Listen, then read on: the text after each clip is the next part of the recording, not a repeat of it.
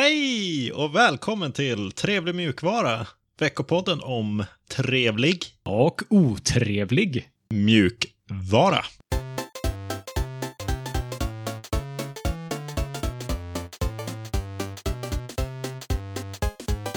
Mitt namn är Alex och med mig har jag som vanligt Seb.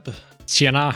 Vad har du haft för dig den här veckan? Jag har som vanligt suttit inne framför datorn mycket och jobbat. Och haft lite fighter med fiskmåsar på balkongen. Alltså, Vi snackade precis om att de kommer med i avsnitten ibland, som bakgrundsljud. ja, det beror ju på när man spelar in, men det låter inte lika mycket idag tror jag. Nej, nu är det lite senare vi spelar in. Är det tidigare på kvällen så kraxar de och har sig.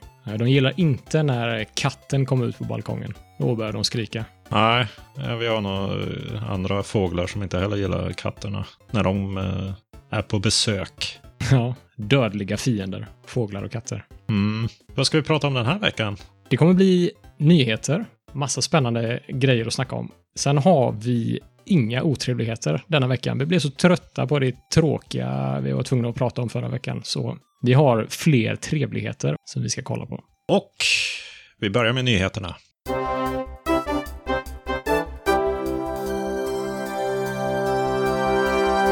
Rust blickar framåt. Nextcloud-klienterna uppdateras och Mozilla uppdaterar oss också om MDN och kanske lite om Firefox Send. Rust blickar framåt.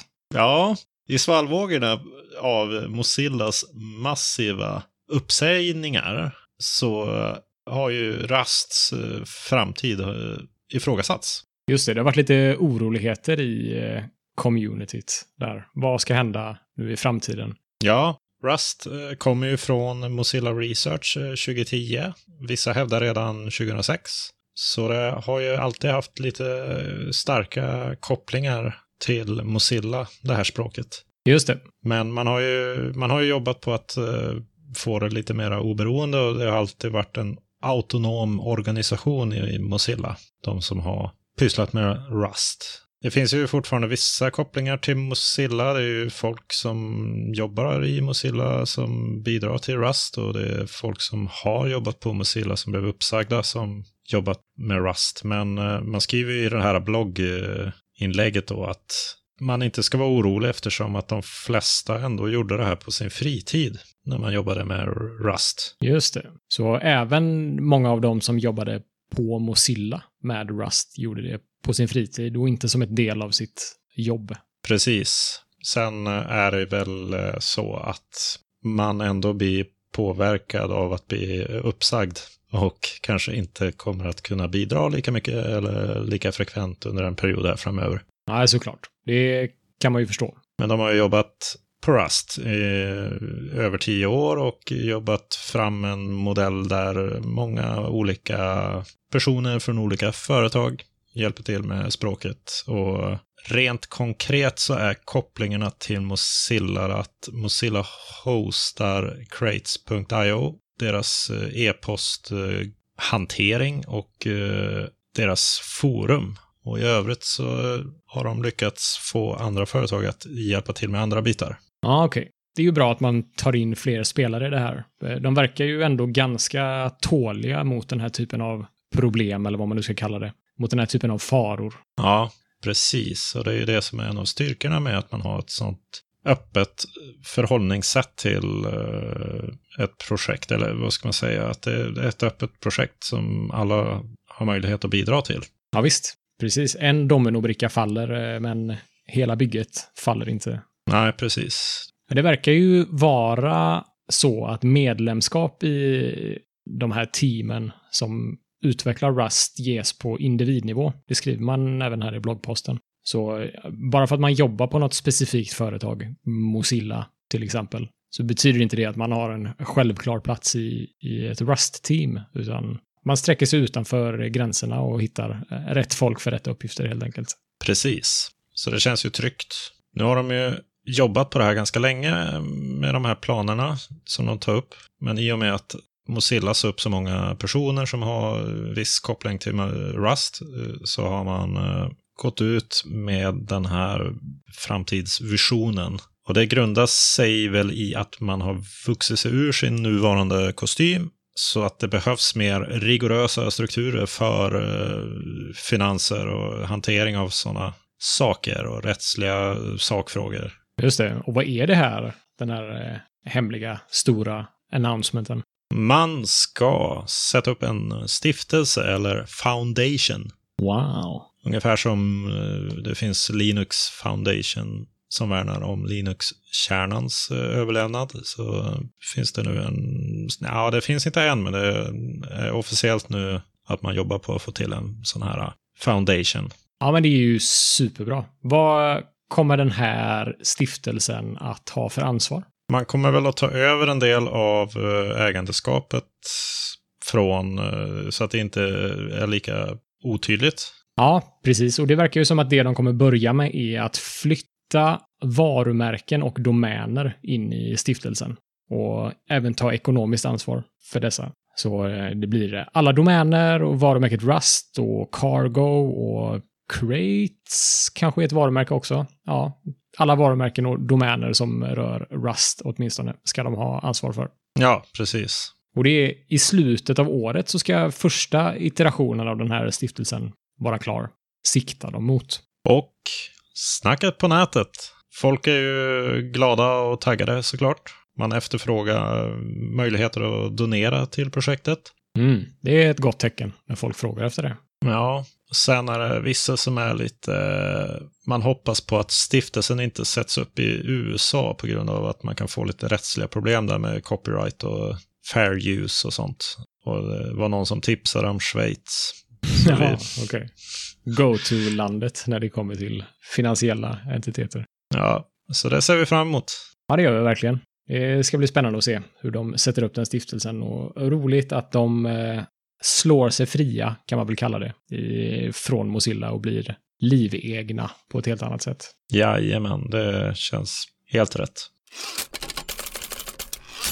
Nextcloud-klienterna har fått sig en liten uppdatering. Bland annat så har de ju fått in end-to-end encryption. Och i det här blogginlägget så har de en enkel GIF som visar hur det fungerar. Mm -hmm. Man har ju sin klient som man ser, kan se sina filer i och så eh, kan man högerklicka på en mapp eller på, på en fil. Ja. Och välja att kryptera den och eh, så visar de att det blir liksom eh, blaj på servern. Okej, okay, konstiga tecken och bokstäver och sådär. Ja, precis. Eller helt vanliga bokstäver, men kon ja, konstig helt kombination. Okej, okay, jag förstår. Ja. ja, vad schysst. Och det här är desktop klienten, alltså den lilla eh, ikonen som ligger i Tray som man kan klicka upp och se synkstatus och sådär. Ja. Som de nu har lite nytt, eh, nya funktioner och nytt UI också, läste jag. Ja, de har uppdaterat gränssnittet så det inte ser ut som något från eh, 2005. Bra. Längre. Ja. Så det är trevligt. Det är inte bara klienten som finns, den här uh, synkklienten till uh, skrivbordet, utan det är även uh, Android-klienten också. Mm som fått i alla fall den här end-to-end encryption. Just det. Den har jag inte alls testat. Android-klienten alltså. Jag kör bara med den här eh, ja, desktop-klienten på Linux. Ja, jag kör också bara skrivbordsklienten, men jag har tidigare kört den på Android och jag vet inte varför jag inte har, har kvar den just nu.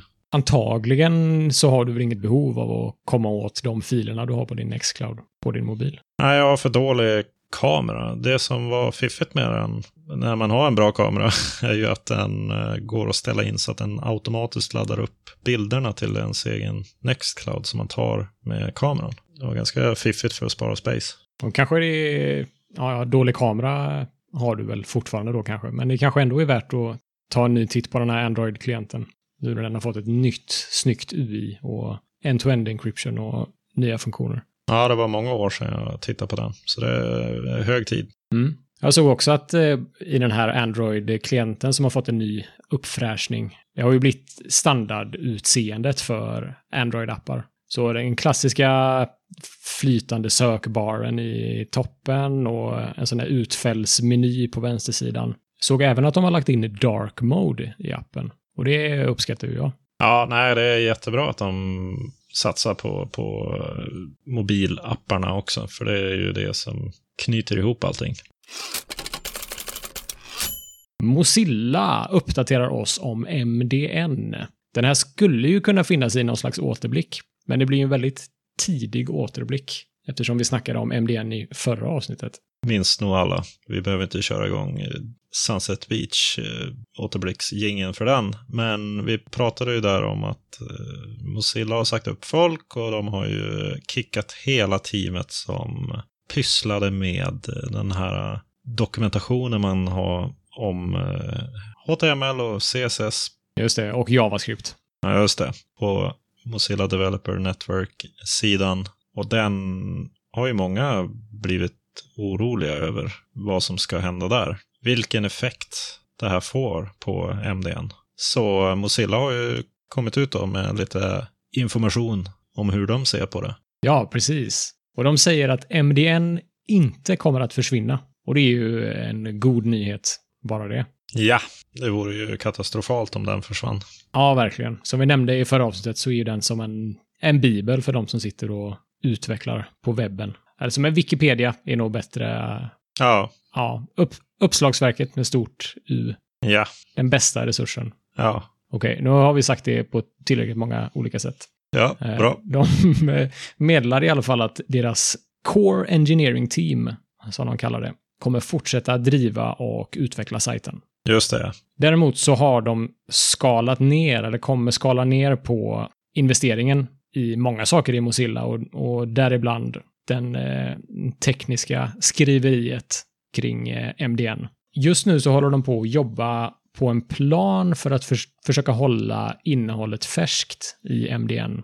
För webbstandarder utvecklas och förändras hela tiden, så det är ju väldigt viktigt att man eh, håller den här informationen uppdaterad om det ska fortsätta vara en så bra resurs för webbutvecklare. Precis. En av de här planerna man har är väl att integrera med något slags GitHub-baserat system för dokumentationen. Där man kan eh, bidra och samarbeta kring dokumentationen. Ja, det känns ju som en bra grej. Folk är bekväma med GitHub och jag själv skulle kunna tänka mig att gå in där och editera eller lägga pull requests och förslag och sådär. Så det tycker jag är en jättebra idé.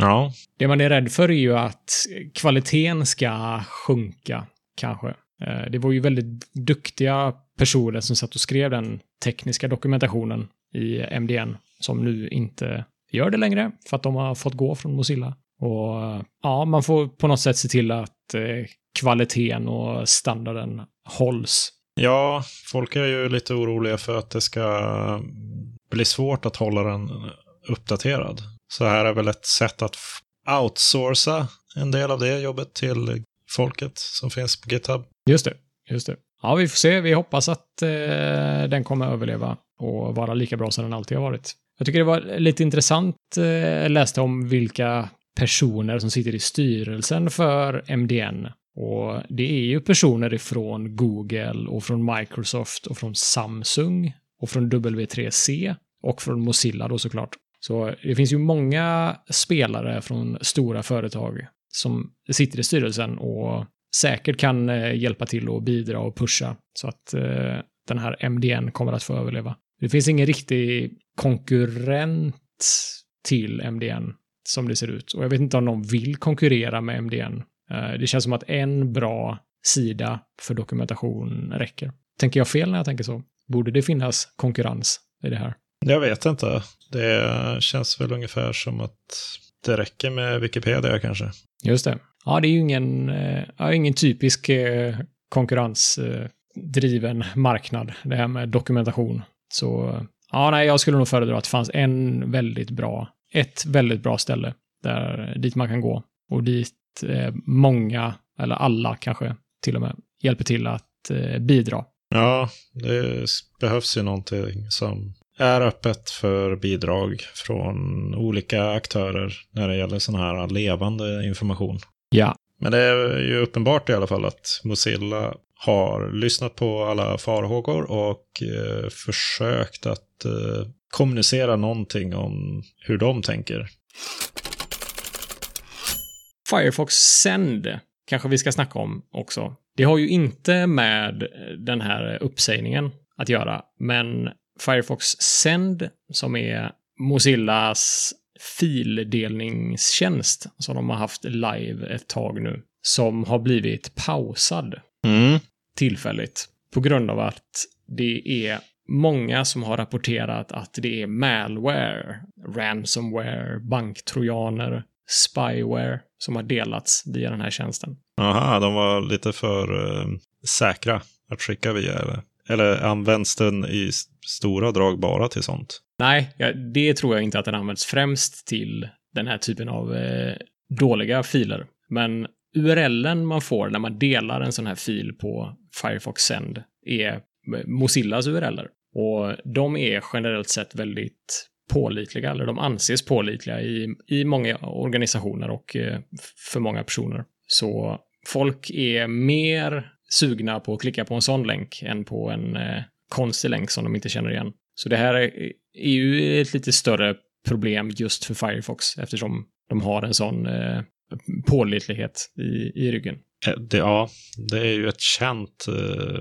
varumärke. Och de vill ju såklart se till att deras varumärke inte fläckas av sådana här saker. Så att folk blir jätterädda för att klicka på de här delningslänkarna. Då har de som sagt tillfälligt pausat Firefox Send och meddelat att de jobbar på lite nya features som ska motverka de här problemen. Bland annat så kommer det komma en knapp för att rapportera missbruk på de här delade länkarna. Så ett bättre rapportsystem, så att säga. Ja, okej. Och dessutom så kommer det vara obligatoriskt för en att logga in på sitt Firefox-konto för att kunna dela en fil. Mhm, okej. Eh, Det är nog många som, eller eller, många vet jag inte, men snacket på nätet har varit att eh, nu när man måste logga in på sitt Firefox-konto för att dela en fil, eller du kanske måste skapa ett Firefox-konto för att dela en fil om du inte har något sedan tidigare, så är det vissa högljudda personer som säger att eh, de kommer sluta använda tjänsten. Ja. Men jag måste säga att personligen så tycker inte jag att det är något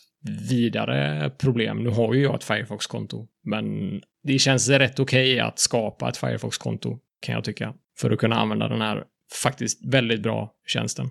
Ja, vi körde ju den ett tag när eh, några av våra egna tjänster låg nere. Mm. Och det funkade ju fint. När kommer den eh, tillbaka då?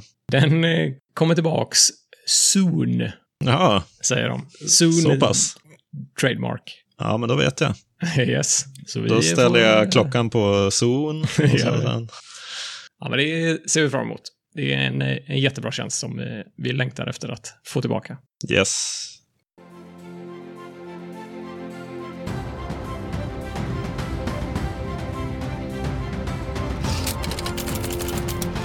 Duplicati är ju en eh, fantastisk tjänst som jag har börjat använda mig av. Wow, wow, wow. Det enda jag vet om Duplicati är att det har någonting att göra med backuper. Ja, det är väl ungefär det man behöver veta. Okej. Nej, men eh, jag har ju gjort min lilla resa från molnet ner till eh, en lokal Rock Pro 64. Ner till jorden. Ja, sen har jag ett gäng Raspberry Pis som kör lite olika tjänster och eh, re- reverse proxy och sådär. Som eh, om de skulle få problem eller bli trasiga så skulle jag hamna i trubbel Mhm. här hemma. Så eh, för att kunna sova lite bättre om natten så behöver man ju ha någon slags backup-lösning som gör det enkelt att komma upp på fötterna igen om någon av prylarna dör. Okej. Och Duplicati är ju en sån tjänst. Det finns flera att välja mellan och det finns olika nivå av komplexitet. Men Duplicati är eh, enkelt och smidigt. Den eh, krypterar det man eh, backar upp. Mm. Den gör en, en stor backup initialt och sedan, Partiella. ja precis. Det blir inte så stort i destinationen där man backar upp, som man backar upp det till. Ja, just det. Eh, påminner lite om databas. Klassiska databas-backuper funkar ju likadant. De databaserna jag har stött på i alla fall. Version 1 av Duplicati, eller den första versionen av Duplicati, kom ut eh, 2008 och eh, skapades av Kenneth Skovhede. Och det finns att installera till Windows, Linux, Mac och den har stöd för många molntjänster Mm. direkt ur boxen som man kan köra via Microsoft OneDrive eller Amazon S3, Google Drive, Mega från, eh, vad heter han som skapade Mega? Han heter .com någonting. Kim.com. Ja, Kim.coms eh, molntjänst. Finns den längre? Mega. Det gör den väl då? Jag har faktiskt fått mail om att min håller på att stängas ner, min, mitt konto, eftersom jag inte använt den på fem år eller något. Ja, okej. Spännande. Det kanske vi borde ha en återblick om. Eller någon Ja. slags... Eh, ja. Mega. Vad händer nu? Ja, men okej. Yes, och det som är fiffigt med allt det här är ju att det, det som man skickar upp till de här molntjänsterna är krypterat. Så man kan vara säker på att det är bara jag som vet eh, och kan se filerna. Så det, det är fiffigt med Duplicati. Sen finns det jättebra stöd för att schemalägga det. Så Mm. att, eh, jag vill att det ska köras en gång i veckan på mina saker till exempel. Och den ska behålla de senaste fyra veckornas eh, backuper. Och även en tre månader gammal version och även en eh, sex månader gammal version. Om det verkligen skulle krisa så finns det lite olika datum som jag kan gå tillbaka till. Just det. Vart har du valt att lagra de här backuperna? Ja, jag är ju fortfarande i processen att sätta upp så att jag kommer off-site. Alltså jag vill inte ha allting i mitt hus för om det brinner ner då kommer jag att eh, hamna på sjukhus eh, eftersom att alla våra bilder har försvunnit. Just det, Men, eh, ja. Så det är någonstans i molnet du tänker dig? Ja, jag får väl antingen sätta upp någonting hemma hos min far, 100 mil härifrån uppe i Norrland, eller Mm. så får jag köpa någon tjänst någonstans. Vi har ju snackat om att du har byggt en lekstuga nu. Den är ju lite halv offsite. Kan du inte ha en backup i den? Ja, det vore kanske någonting. Det jag backar upp till är ju en eh, NAS som eh, går igång en gång i veckan. Ungefär eh, mellan 11 på förmiddagen på söndag och så stänger den av sig själv i, på måndag morgon. Okej. För jag vill ju driva det mesta hemifrån lokalt, men jag vill inte ha någon hög elräkning heller. Så det är därför jag satsar hårt på Raspberry Pis och den här Rock Prone. Och eh, sen är den lite mer eh, power hungry, vad ska man kalla det? Krafthungrig. Precis. den äter mer el. Ja, den nasen. Så den får, den får bara komma igång för att ta emot backuperna. Och sen är tanken att den ska skicka upp det någonstans. Just det. Ja, det låter ju som ett smart system ändå. Vad är det? Hur ser gränssnittet ut för Duplicati? Är det liksom krånglig setup, massa inställningar du behöver göra? Eller är det one click and go? Nästan eh, är det så att man bara klickar lite och så har man backuper. Det Okej. finns eh, så att man kan, man får en liten filväljare i gränssnittet och så säger man vart det ska ta vägen. Mm. Och så fyller man i något schema där. Jag vill att det ska vara på söndag, natten mot måndag till, till exempel. Ja. Och sen är det bara att köra. Så kommer den att följa det schemat. Och eh, det går även att ställa in så att den skickar mail eller andra alltså, via andra kanaler. Om det är någonting som inte går igenom. Just det. Ja, det är intressant eh, det där med backuper. Jag har aldrig riktigt känt att jag har ett behov av det. Jag har mina bilder sparade i molnet eh, och mina viktiga filer sparade i molnet. Hos Mm. en leverantör som jag inte riktigt är superglad över. Kanske Google med andra ord. Just det. Och så har jag min kod och den typen av information på GitHub som ägs av Microsoft. Så jag är ju fast i deras klor till 100%. Men gör du backups av hela ditt filsystem eller bara utvalda filer? Så du skulle inte kunna återställa din, ditt operativsystem från de här backuperna? Nej, inte hela filsystemet. Det är lite vanskligt eftersom det är filer som är låsta och sådär. Just det. Men eh, man kan välja mm, ganska stora mappar såklart, Mm. om man vill det. Ja, spännande. Det låter som ett bra program som jag faktiskt aldrig har hört talas om innan. Nej, det är väl någonting som man kanske dyker på om man har man kör mycket lokalt själv och vill kunna sova om nätterna. Ja, ja, Då måste precis. man ju ha något slags system. Ja, det är solklart. Ja, det är bra tips. Flatseal. Ytterligare tips ifrån dig. Och om jag får ge min lilla noob-förklaring så tror jag att Flatseal är ett program som gör att du kan hantera rättigheter i dina Flatpaks program som du installerar på din Linux-maskin. Precis. Jag läste beskrivningen på GitHub. Jag hade inte kunnat gissa det. Ja, Okej. Okay. Ja, men det stämmer bra. Ska man behöva hantera rättigheterna i sina Flatpaks? Ja, jag upptäckte ju när jag installerade den här nya Element Matrix chattklienten via Flatpak att eh, den inte hade tillgång till min Home-mapp. Aha. Och eh, då började jag ju undersöka hur man ger programmet rättighet att eh, komma åt Home-mappen, hemmappen på Linux. Och det var ju vissa kommandon och sådär, men sen ramlade jag över Flatseal. Och det var ju bara att installera via Flatpak såklart. Ja, okej. Okay. Och eh, då får man en lista på alla sina andra installerade Flatpaks och eh, deras rättigheter. Och eh, med enkla bockar så kan man slå på av rättigheter och lägga till mappar som de har tillgång till. Okej. Okay. Alltså ett solklart problem här är ju att man har fem stycken flatpaks, tio stycken snaps, eh, 30 stycken, ja, vad heter de, från de officiella ja. repositories. De officiella brukar inte ha de här problemen eftersom de som paketerar det oftast ser till att det funkar som tänkt. Ja. Men de här universella paketformaten, de, det är klart att det kan bli rörigt om man väljer att använda olika typer av dem. Ja, jag har nästan varit tvungen att göra det för att stött på något problem med den officiella releasen. Och så har jag testat Snap till exempel och så har den funkat. Och då kommer jag ju behålla Snap jag är väldigt, ja. eh, jag tänker inte så mycket på vart programmet kommer ifrån. Eh, kanske min eh, Linux-nobighet blir väldigt tydlig här. ja, men det är ju trevligt med de här universella paketformaten. Men eh, det är klart att det blir inte så homogent inställningsmässigt.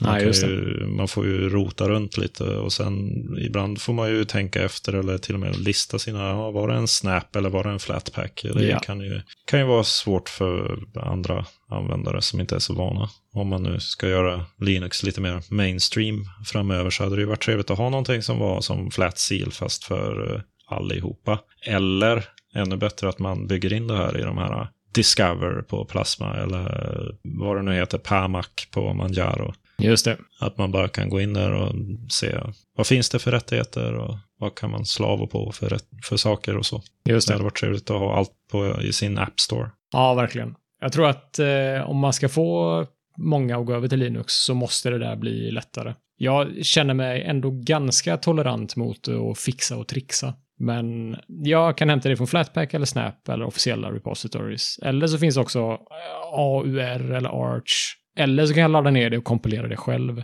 Det är väl bra med alternativ, men om eh, två av fem alternativ inte funkar och alla är olika versioner och jag vet inte, det känns bara som ett eh, dåligt system. De har inte lyckats eh, unifiera eh, programinstallationen på Linux. Ja, fast eh, just installationen har de ju lyckats med. Med på Discovery i alla fall. Och eh, de här Gnomes motsvarighetssoftware, tror jag. jag. Jag kollar den ju i om det finns Snap eller Flatpak.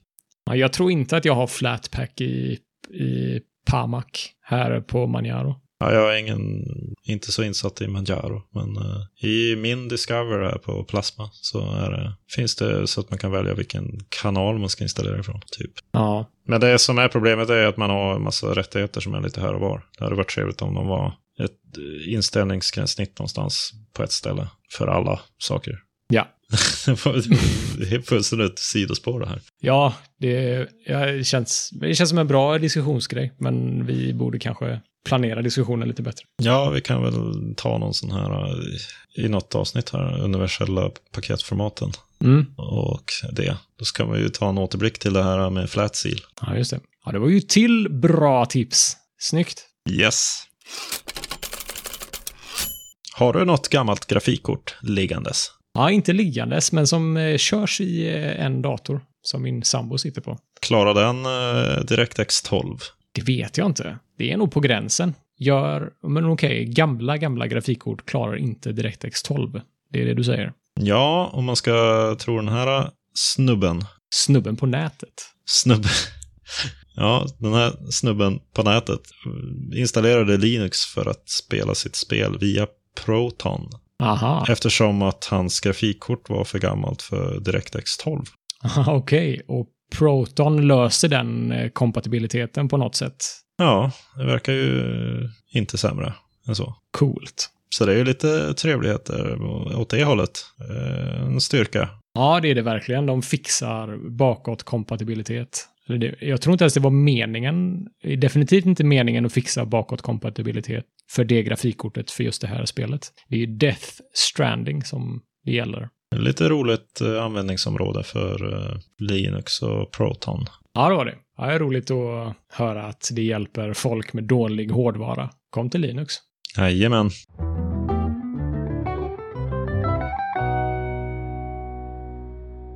Ja, nu är det dags för en liten uppdatering på våra utmaningar.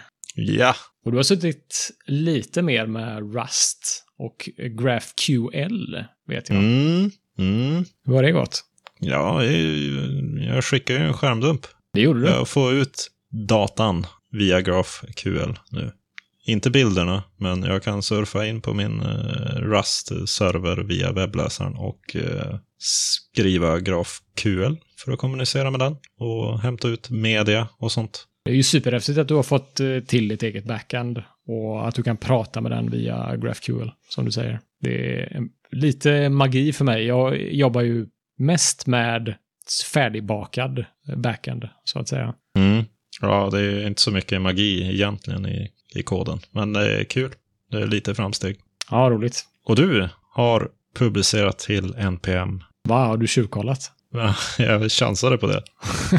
Ja, ja, ja, någon liten uppdatering kanske på något paket. Jag börjar bli bekväm med NPM, vilket är skönt. Jag har suttit och jobbat på eh, ljudspelaren, min audioplayer. Trevlig audioplayer. Ja, Jag har byggt eh, någon liten eh, variant av den på trevlig mjukvara som vi sen vill göra mer generell så vi kan släppa den som ett paket, som sagt. Mm. Och jag har hamnat i optimeringsträsket när jag aldrig blir nöjd med hur den är byggd. Så eh, slänger iväg och bygger om och slänger iväg och bygger om. ah, Jag okej. vet inte vart jag ska landa någonstans. Jag är tvärtom. I min nuvarande situation så måste jag eh, köra MVP på allting. Ja, det kan jag förstå. Det är väl egentligen smart. Det kanske jag borde göra också. Men det är roligt att optimera också. När man kommer på, speciellt när man kommer på att man har byggt någonting fel. Då vill man ju bygga det rätt. Ja, Såklart. jag känner igen det där. Eh, Men ibland får man bita i det sura äpplet och gå vidare till nästa grej. Ja, så är det. Men eh, utvecklingen eh, fortgår. Vi får se var jag landar någonstans. Spännande. Mm. Då är det dags att blicka lite inåt. Ja, jag har sett eh, någon grön bock när jag har surfat på eh, dina mediaprofiler på sociala nätverk. Mina medieprofiler. Okej, dina profiler. Ja, jag har ju famlat runt på eh, Mastodon lite grann. Det är ju en intressant eh, teknik. Ja, och det är ju det sociala nätverket där trevlig mjukvara också finns. Ja, jag ville ju egentligen gå med på Linux kompis. För det är väl där vi har mest av våra kompisar som lyssnar på oss. Just det. Men jag ville testa någon annan instans för att uppleva det här med federeringen också. Mm. Federering innebär att du kan använda samma konto för att logga in på olika instanser, eller? Ja, utan det är väl mer att de här olika instanserna pratar med varandra. Så att mitt konto som är på en viss instans kan eh, se och kommunicera med folk på andra instanser. Mm. Sen är det ju vissa som har flera konton på olika instanser. Ja, okej. Jag förstår. Och jag tittade runt lite grann. Det fanns ju Fika-vers till exempel, Tot.café, Fostodon och lite andra sådana där instanser. Men, eh, och jag tänkte, ja men jag tycker den här Fostodon, jag läste ju igenom, alla de här instanserna har ju lite olika Code of Conduct. Mm. Det var någon som pratade lite om att man inte ska cross-posta från Twitter. Och mitt mål var ju att ha ett konto som bara är, finns bara ett konto. Jag vill inte behöva logga in med, på flera olika instanser. Men eh, registrera mig på fostodon.org och det kändes ju nästan som mitt hem. Det var ju lite mm, samma värderingar och sådär bland de som hängde där. Och jag, jag vet inte, vad ska man egentligen göra? Jag, jag följer ju folk som eh, skriver saker på Mastodon. Det är ja. lite intressant. Ja, vi har ju till och med min uh, rockstjärna i Rust, Jon Gängset. Okay. Finns ju. Men uh, och jag tänkte egentligen inte skriva så mycket, utan det var ju mest för att få till en kanal till mig som någon eh, kanske vill kommunicera via. Om man har frågor specifikt till mig eller om jag vill kommunicera något utan att gå via Trevlig mjukvara-kontot. Ja, just det. Men när man loggade in på min eh, profil eller när man tittar på min profil så var det bara helt tomt och då tänkte jag, ja men då testar jag skriva någonting och eh, frågade om eh, någon hade något tips på en trevlig router. Ja, och det var på svenska du skrev eller? Du har joinat en svensk nod.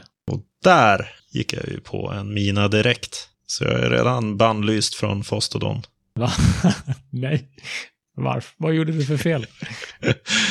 Ja, jag skrev ju på svenska på Fostodon och det får man inte göra. Ah. Nej, jag, är, jag är inte bannlyst, men eh, jag kände att nej, det var ju en miss. Det var en vänlig själ som eh, berättade för mig att eh, det är nog, du ska nog skriva det där på engelska egentligen. Okay. För det är så de vill ha det på Fostodon för att de ska kunna moderera innehållet. Och då tänkte jag, ja men då provar jag en annan instans då. Det finns någon funktion där man kan flytta från instanser till andra instanser. Okej. Okay. Ja, det är ju eh, tråkigt att gå in på minus i reputation. Det, är det första man gör. Det var eh, typiskt mig, va? Komma in med buller och yeah. bara ramla på tröskeln. Men eh, det, det är skitsamma, det löser sig säkert. Men det funkade bra att flytta. Jag gick över till den här mastodon.online som var väldigt generell instans. Man får mm. prata vilket språk man vill. Det har jag verifierat. Man har... det finns folk som skriver på kinesiska och allt möjligt. Så att det känner mig trygg i. Och eh, alla mina 75 300 följare följde med över också. Det är inte nya instansen där. Ja, har du inte fler än så? Nej. Dåligt. Ja, jag hoppas att du inte kommer in på Mastodon. Du kommer ju krossa mig. Säkert. Ja, det Men, eh, kommer inte klara av eh, mitt följarantal.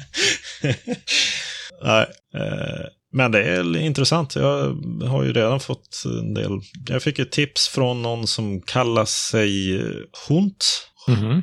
Hynd. Vänta, jag känner igen det. Hur, eh, hur talar man det? Det är, det är ett svenskt ord. Jaha, hund? Yes. Ja, han tipsade mig om eh, teklager när det kommer till den där routerfrågan. Och det var ju himla fiffigt. Så det ska jag titta på. Så jag har redan fått ut någonting av det här Mastodon. Ja, vad bra. Ja, men det är väl det man ska göra. Du frågar ju vad man ska göra på de här nätverken. Jag har ingen aning. Det är väl att kommunicera, ställa frågor, svara på frågor kanske? Jag tänkte ju bara gå med för att bli rostad och, av alla ja, ja. följare. Visst. Men eh, visst. Men du måste också berätta om den här gröna bocken som du har fixat. Ja, jag har ju fått en grön bock också. Så nu är jag officiell eh, trevlig mjukvara personlighet. Coolt. Det är ja. snäppet coolare än eh, den blåa ticken på Twitter. Faktiskt. Ja, det är en lite högre värdering på den gröna markeringen i Mastodon. Yeah. I övrigt så uh, har det ju pratats lite grann om den här uh, Pocket som vi nämnde i förra avsnittet. Mm. Det finns ju ett alternativ till den som heter Wallabag som uh, DSDV. DSVDV. Tipsar om. Som är någon slags open source-variant av Pocket. Ah, okej. Okay. Och eh, Hund eh, tipsar även om Nextcloud Notes, som jag faktiskt använder idag i mina arbetsflöden med länkar och show notes. Ja, ja vad schysst. Och folket skriker efter Seb på Mastodon. Det är så. Ja, jag kan tänka mig det. Jag får väl skapa ett konto då kanske. Ja. Nej, men det var roligt. Jag har ju mitt eh, Twitterkonto som jag knappt använder. Jag surfar väl på de där nätverken med Trevlig Mjukvaras konto oftast. Men det kan vara skoj om man har något eh, superkontroversiellt man vill säga. Slipper man Ja. smutsa ner eh, vårat varumärke. Eh, det är det jag tänkt. Jag skulle kanske, inte för jag vet vad jag har för kon- superkontroversiellt än, men vi får se. Det öppnar ju dörrarna i alla fall. Ja, precis. Det var all trevlig Och otrevlig. Mjukvara vi hade för denna veckan. Hör gärna av er till kontakt trevligmjukvara.se. Eller eh, ät trevlig mjukvara på Mastodon eller eh, Twitter. Och jag finns ju nu på Mastodon om man nu vill följa någon som inte riktigt vet vad man håller på med. Och Seb finns på Twitter. Yes. Och vi har också Telegramkanalen som vi hänger i och snackar gött. Så det är Mm. bara att kolla i avsnittsbeskrivningen där efter länkar om man är sugen på att gå med i gemenskapen. Ja, Vi hörs nästa vecka. det gör vi. Trevlig mjukvara på er. Trevlig mjukvara.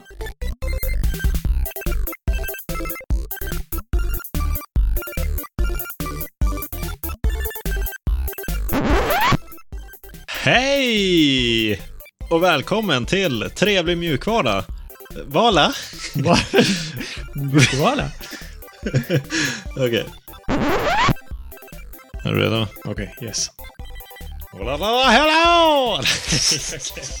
Jesus. Okej, okej, okej. Übertaggad. Jag gillar energin.